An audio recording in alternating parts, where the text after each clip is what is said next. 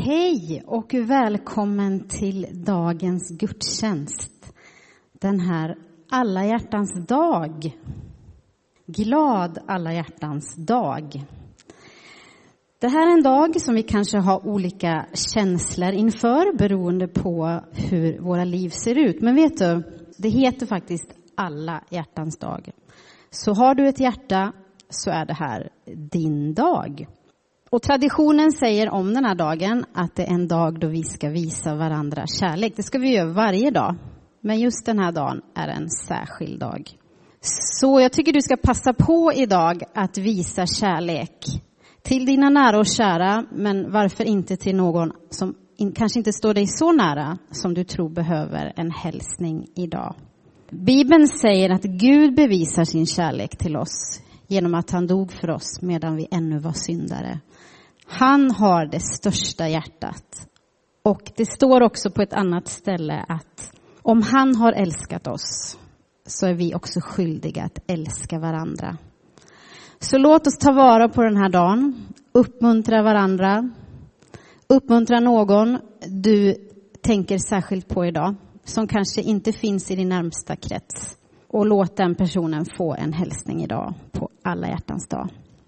Eh, idag så kommer vi få höra vår föreståndare Johan Mörlid predika kring Herrens bön. Eh, och det tror jag kommer bli jätteintressant, jättespännande. Jag heter Anna-Maria, jobbar som musikpastor och jag kommer leda sången idag. Och sen har vi tekniken, mm, Jakob, Anders och John som hjälper oss idag att sända ut den här gudstjänsten. Vi, ber, vi kommer be idag, som vi alltid gör i våra gudstjänster. Och bönen idag kommer ligga i slutet av en nattvardsstund som vi kommer ha.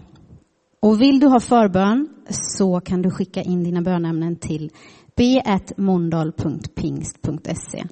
Och det kan du göra under hela gudstjänsten, så tar vi med det i slutet av den här gudstjänsten.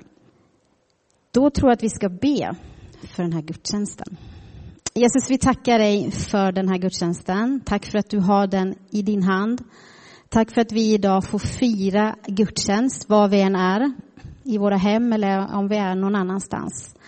Jesus, tack för att du vill på ett särskilt sätt beröra oss idag. Låt oss få uppleva din kärlek, din nåd, Herre. Och låt oss också idag få en ny längtan efter att be. Att, att få lära oss att be eh, som du bad, Herre. Vi lägger hela den här gudstjänsten och nattvarden i dina händer och ber om din närvaro. Amen. Jag ska läsa ifrån två bibelställen. Lukas 11 och 1 och sen ifrån Matteus 6, 9 till 13. Står det så här. En gång var Jesus på en plats och bad. När han hade slutat sa en av hans lärjungar till honom. Herre, lär oss att be, liksom Johannes lärde sina lärjungar. Så ska ni be. Vår far i himlen Låt ditt namn bli helgat. Låt ditt rike komma. Låt din vilja ske på jorden som i himlen. Ge oss idag vårt dagliga bröd och förlåt oss våra skulder så som vi förlåter dem som står i skuld till oss. Och för oss inte in i frestelse utan fräls oss från det onda. Tack Anna-Maria. Jag vet inte hur gammal du var första gången som du lärde dig att be bönen Fader vår. Numera har jag fullt upp med att hålla ordning på att inte blanda ihop orden i gamla och nya översättningen av denna bön. Kan du hålla med mig om att det är något speciellt med bönen Fader vår eller Herrens bön som den rubriceras i evangelierna. Jag menar, bland alla Bibelns böner, för de är ju några stycken. Varför har just denna bön, Herrens bön, blivit så uppmärksammad? Följ med till den tyska staden Stuttgart under andra världskrigets sista skälvande dagar. Skådeplatsen är en kyrka i staden i vilket en framstående teolog vid namn Helmut Tillich arbetar som pastor. Den allierande brandbombningen höll långsamt på att jämna stadskärnan längs med marken och likaså det tyska motståndet. Och under brinnande krig så hade Helmut Tillek predikat för sin församling söndag efter söndag. Och nu verkar det slutet nära. Man kan ju undra, vad predikar man? Till folket i en tid full av blodspillan, död, vilda eldstormar och förstörelse. Ja, vad säger man en sån gång? Ja, Tillek valde att predika över Herrens bön. En samling predikningar som senare kom att ges ut som en bok. Jag vet inte vad du tänker, men jag förvånas över hans ämnesval. Det känns liksom lite oväntat på något sätt. Hur kunde Tillek välja att predika över Herrens bön när bomberna regnade ner från himlen? Få pastorer skulle ens komma på tanken att predika över denna bön när världen utanför höll på att rasa samman. Borde man inte spara en sån predikoserie till mer fredliga tider? Men Tillek visste vad han gjorde. Han såg rädslan i åhörarnas ansikten. För ingen visste ju säkert var och när bomberna skulle falla nästa gång och förstöra det samhälle som man varit med och byggt upp och trodde på. Vad Tillek såg i åhörarnas ansikten återspeglas i hans predikningar över Herrens bön. En bön som Tillek menade innehöll allt. Och jag är beredd att hålla med Tillek. Vi ber Herrens bön på bröllop. Vi ber Herrens bön under begravningsgudstjänster och vi kommer snart be Herrens bön under nattvardsfirandet. Herrens bön innehåller allt. Den är liksom, den rymmer hela livet. Herrens bön innehåller precis allt vi behöver veta för att förbli i tron genom svåra tider. Det må vara krigsåren under andra världskriget eller som idag, coronapandemin. Samma bön lämnar sig också för vårens tema som är församlingens gemensamma bön. För det var så Jesus lärde sina lärjungar att bedja. Jag tror att bön enligt Bibeln är mer kollektiv och interagerande än vad vi hittills har förstått. Till exempel, få ting förenar kristna så mycket och av olika trosriktningar så som Herrens bön gör. Ja, det skulle ju vara trosbekännelsen och också tio Guds bud. Men Herrens bön förenar kristna av olika trosriktningar. För i samma stund som vi knäpper våra händer och ber, vår Fader du som är i himlen, så förenas våra hjärtan just i och genom denna enkla bön. Jag kan förstå varför en av Jesu lärjungar, och troligtvis så var liksom de andra med på vad han bad Jesus om den här lärjungen. Jag förstår varför denna lärjunge bad Jesus lära dem att be. Efter att ha sett och hört Jesus be var det självklart att säga, Herre lär också oss att be. De bad honom inte att lära dem bota sjuka, att predika eller att profetera. Nej, de bad honom lära dem att be. Antagligen för att de genom hans böner hade fått en inblick i Guds hjärta och anade dess djup. Och detta säger också oss en hel del. Vår tids största behov som församling är inte främst och i första hand mer pengar. Det är inte att få renovera kyrkan. Det är inte heller att få starta igång nya verksamheter. Nej, vårt främsta behov som församling är att lära oss be som Jesus bad, mer personligt och innerligt och inse vårt beroende och behov av Gud. Du vet, jag har en dröm för den här kyrkan. Och det är att människor ska säga om oss att ni är verkligen en bedjande församling. När lärjungarna bad Jesus lära dem be, så lärde han den denna korta enkla bön som har kommit att rubriceras Herrens bön. Jag tror jag talar för många av oss när jag säger att vi har ett likvärdigt problem när vi just kommer till den här bönen. Vi har hört den så ofta att vi tar den för givet. Och till skillnad från lärjungarna så tror jag nästan ibland att vi frestas att be Jesus, Herre, lär oss att be någonting nytt. Vi ber denna bön utan till, men utan att tänka på vad orden egentligen betyder. Min önskan den här våren är att vi skulle närma oss Herrens bön med nya ögon och låta den berika vårt egna och församlingens gemensamma böneliv. Jag menar, när Tillek kan stå i brinnande krig och predika över Herrens bön, då har man ju verkligen upptäckt någonting med denna bön.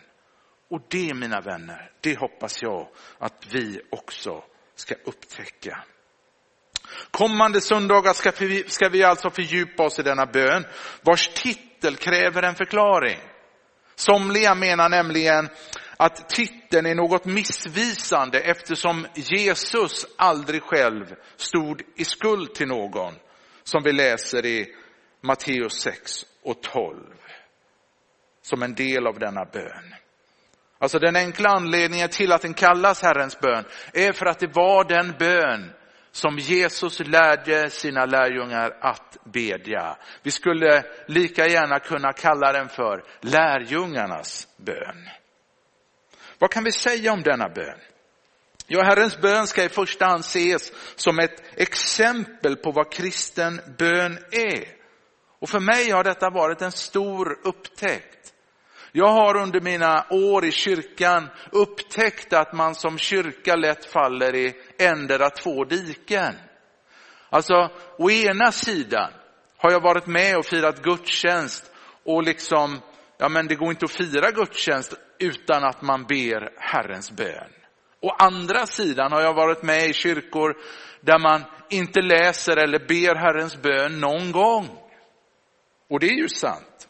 Ingenstans i Bibeln uppmanas vi ju att söndag efter söndag be Herrens bön. Men samma, på samma gång, om vi inte tar reda på vad Jesus ville säga oss eller lära oss med denna bön, så är ju det beklagligt. Enkelt uttryckt kan man säga att Herrens bön besvarar frågan, vad kännetecknar kristen bön? Och svaret är, kristen bön liknar Herrens bön. Det måste inte låta som Herrens bön, varken språkligt eller ljudligt. Men sann bön, kristen bön, liknar Herrens bön. Vi stöter på Herrens bön två gånger i Nya Testamentet. I Matteus evangelium och i Lukas evangelium. Och versionen i Matteus, den är något längre och det är oftast den som vi läser i gudstjänstsammanhang. Och i Matteus, där hittar vi Herrens bön i mitten av bergspredikan. Och den föregås av att Jesus talar med sina lärjungar om falsk bön och sann bön. Och falsk bön menar Jesus är sådan bön som hycklarna ber. Alltså ytlig, överdriven, utstuderad bön som fokuserar mer på bedjaren själv än på Gud. Alltså du vet att hycklarna, fariseerna, de kunde se till att vara mitt i stadens centrum just vid någon av bönetimmarna och så ställde man sig och bad. Allt för att människors blickar skulle vändas emot en själv. Hycklarens bön. riktar uppmärksamheten mot bedjaren själv. Lika falsk är upprepande, långrandig och tjatig bön som om man talade så till någon man älskar. Att hela tiden upprepa dennes namn. liksom älskade väger sina ord gentemot varann, ber en lärjunge till Gud på samma sätt. Jag menar, Gud är ju inte döv. Han är inte trög eller svårövertalad. Nej, be inte så. Sen talar Jesus om sann bön, om att gå in i kammaren, att skärma av sig och att be till Fadern som ser till hjärtat. Och så kommer Herrens bön. Så ska ni be, vår far i himlen. Låt ditt namn bli helgat, låt ditt rike komma. Låt din vilja ske på jorden så som i himlen. Ge oss idag vårt dagliga bröd och förlåt oss våra skulder, så som vi förlåter dem som står i skuld till oss. Och förlåt oss och, och för oss inte in i frestelse, utan fräls oss från det onda. Och så lägger senare handskrifter till den lovprisande avslutningen. För riket är ditt och makten och äran i evighet. Amen. Låt mig lyfta fram några saker med just denna bön. Notera hur enkel den är. Väldigt enkel. Inga långa krångliga meningar. Inga svåra teologiska ord. Lägg också märke till hur kort den är. I min översättning bara 62 ord. Jag tror att vi som jobbar just med att kommunicera, vi vet att det är en konstart att fatta sig kort och ändå vara innehållsrik, kärnfull. Men Herrens bön är både kortfattad och träffsäker. Lägg också märke till hur innehållsrik denna bön är. Allt du vill uttrycka med en bön ryms däri. Här ryms Gud, här ryms vi människor, här ryms dåtid, nutid och framtid och likaså hela gudomen. Allt ryms i denna bön. Lägg också märke till dess enkla struktur. Första delen handlar om Gud, ditt namn, ditt rike, din vilja. Och den andra delen handlar om människan, ge oss Förlåt oss, led oss och fräls oss. Både Gud och vi människor ryms i denna bön. Men som med all bön så börjar den med Gud. Och man kan också säga slutar om man därtill lägger till den där avslutande välsignelsen. Den börjar och slutar med Gud. Gud är alfa och omega. Det är liksom i den atmosfären, det är det bönerummet, det är den bönekammaren du och jag kliver in. Gud är början och slutet. Och det första Jesus lär sina lärjungar att be var vår far i himmelen. Och Anna-Maria kommer tala mer om detta nästa vecka. Bön börjar alltid med Gud, inte med oss själva. Tänk vad snabba vi är med att komma till Gud och säga vad vi önskar det första vi gör. Bön börjar alltid med att rikta uppmärksamheten uppåt, prata med himmelens far innerligt och påminna sig om hans namn, hans rike och hans vilja. Först därefter ber vi om färdkost längs vägen, om förlåtelse för oss själva och andra och om beskydd mot frestelser. Vi börjar med att tillbe Gud för att därefter tala om för honom vad vi önskar och vilka behov vi har. Kanske hör du människor ibland undra, varför ska vi be? Varför ska vi be? Om Gud är allsmäktig, varför ens be överhuvudtaget? Om han nu redan vet om allting, varför ska vi be? Det är ju en bra fråga. Och jag lånar följande svar av en teolog. Ja, det är sant att Gud är allsmäktig. Gud kan aldrig överraskas, bli förvånad. Han vet ju allt. Gud kan aldrig lära sig något nytt. Nej, Gud vet redan allt. Han är allvetande. Men Gud har också förbundit sig att ta hand om sitt folk. Han vill ta hand om oss och ge oss det vi behöver. Paulus han skriver, så ska min Gud efter sin rikedom på ett härligt sätt i Kristus Jesus ge er allt ni behöver. Vet du att genom hela Bibeln är Gud känd som Herren förser. Herren förser, det är hans namn och det är din Gud.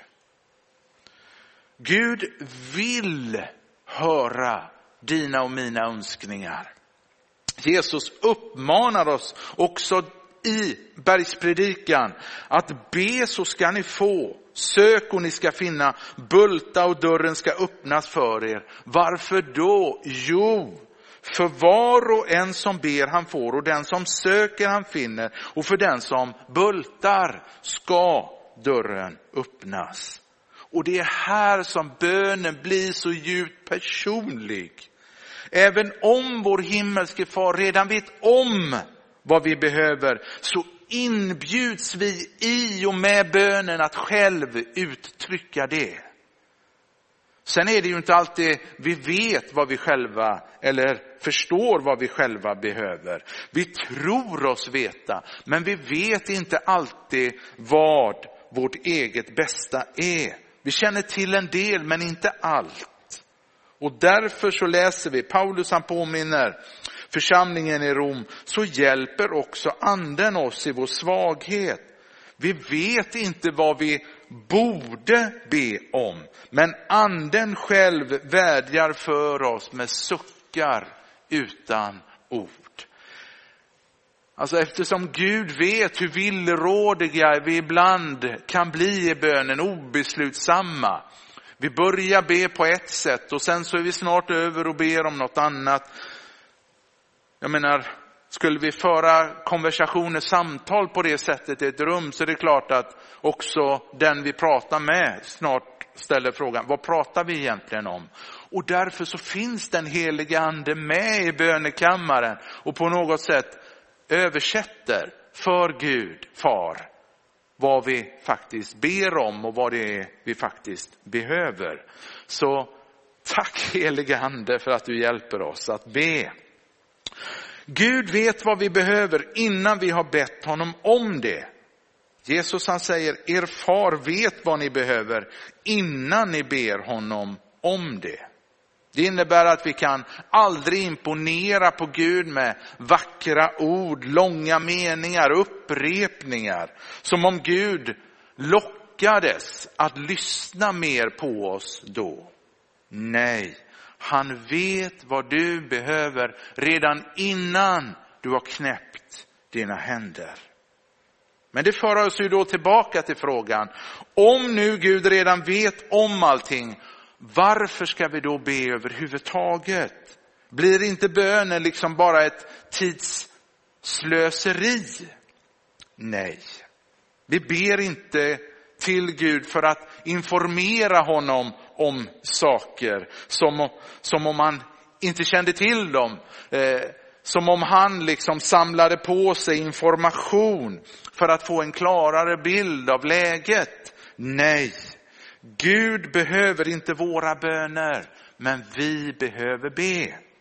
Vi ber för att vi är så djupt beroende utav vår himmelske far. Vi ber för att fördjupas i tron. Vi ber för att han är Gud och inte vi. Vi ber för att Gud har bestämt och detta är liksom, detta övergår mitt förstånd. Vi ber därför att Gud har bestämt sig för att låta oss genom våra böner få delta i detta uppdraget att göra Jesus känd, älskad och ärad här i världen. Så när vi ber så förenas vi med Gud i hans plan för den här världen. Vi blir liksom kompanjoner i samma missionsföretag. Fattar du vad stort detta är? Man kan till och med säga att Gud avsiktligt väljer att liksom hålla tillbaka lite grann sig själv vad han tänker göra i den här världen och låter oss genom våra böner få vara med på ett hörn. Och ser man på bönen på det sättet, ja då borde varje bönetillfälle framöver bli högintressant. Kanske att en bild skulle kunna hjälpa oss här. Föreställ dig en pappa som sitter bredvid sin fyraåriga dotter som försöker lägga ihop, få till ett pussel. Hon försöker och försöker men lyckas inte. Och under tiden så sitter pappan bredvid och studerar allt sammans med stort intresse men han blandar sig inte i. Och så till slut efter ett tag så kryper dottern upp i pappans knä och säger pappa, hjälp mig att få ihop det här pusslet. Och pappan ler, böjer sig ner och tillsammans med barnet så börjar de lägga färdigt pusslet. Man frågar sig varför hjälpte inte pappan till tidigare? Nej, för det första, dottern bad inte om hjälp. För det andra, han ville låta henne försöka själv. Och för det tredje så ville han, pappan, att dottern skulle be om hjälp. Och när hon väl insåg att hon behövde hjälp så blev pappan glad och ville mer än gärna hjälpa till och lägga färdigt pusslet. Är inte det en utmärkt bild på hur vår himmelske far behandlar oss? Först när vi inser vår egen begränsning och ropar på hjälp så ingriper han och vill då mer än gärna hjälpa oss. Och tänk så bra det blir. Inget glädjer Gud så mycket som när vi inser vår egen begränsning och erkänner vårt absoluta beroende utav honom. Varje bön är likt ett barns rop. Hjälp! Pappa, jag klarar inte av det här själv. Jag tror att få saker är så svårt för nutidsmänniskan som att erkänna sitt beroende av någon annan. Att hon är liksom begränsad. Och det kanske här det är svårt för oss att be. För det ligger i bönens natur att erkänna att Gud är Gud, inte vi. Han har ansvar för universum, inte vi. Han har full kontroll, det har inte vi. Och när vi inte ber så skulle jag säga, då är det för att vi har glömt vem som är Gud och inte Gud. Avsaknaden av bön innebär att vi fortfarande tror oss klara saker själva. Bönen lär oss att vara helt beroende av vår himmelske far. Bönen påminner oss vem som är Gud och vem som inte är det. Låt mig sammanfatta dagens budskap med en mycket förenklad beskrivning av vad bön är. Vår del i bönen är att regelbundet be, be entusiastiskt, be uppriktigt och uttrycka våra önskningar, vårt beroende och vårt behov av Gud.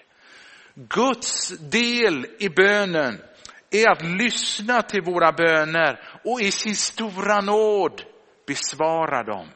Men lyssna, när tiden är inne på hans vis och efter hans vilja. Om vi från vår sida gör vårt så kommer Gud från sin sida göra sitt. Och han kommer inte göra oss besvikna, jag lovar. Så i den andan stiger vi ödmjukt in i Herren Jesu Kristi finrum, i hans bönekammare och fördjupar oss i Herrens bön. Och jag hoppas att du vill vara med hela resan då vi går igenom den bön som innehåller allt för hela livet, för att du och jag ska förbli i tron. Vi ber. Jesus, vi säger som lärjungarna, lär oss att be. Ge oss hjärtan som verkligen vill be. För utan dig, Herre, kan vi ingenting göra. Må vårt studium över Herrens bön bli mer än en intellektuell övning. Vi ber att du ska sätta våra hjärtan i brand med önskan om att verkligen få lära känna dig. Amen.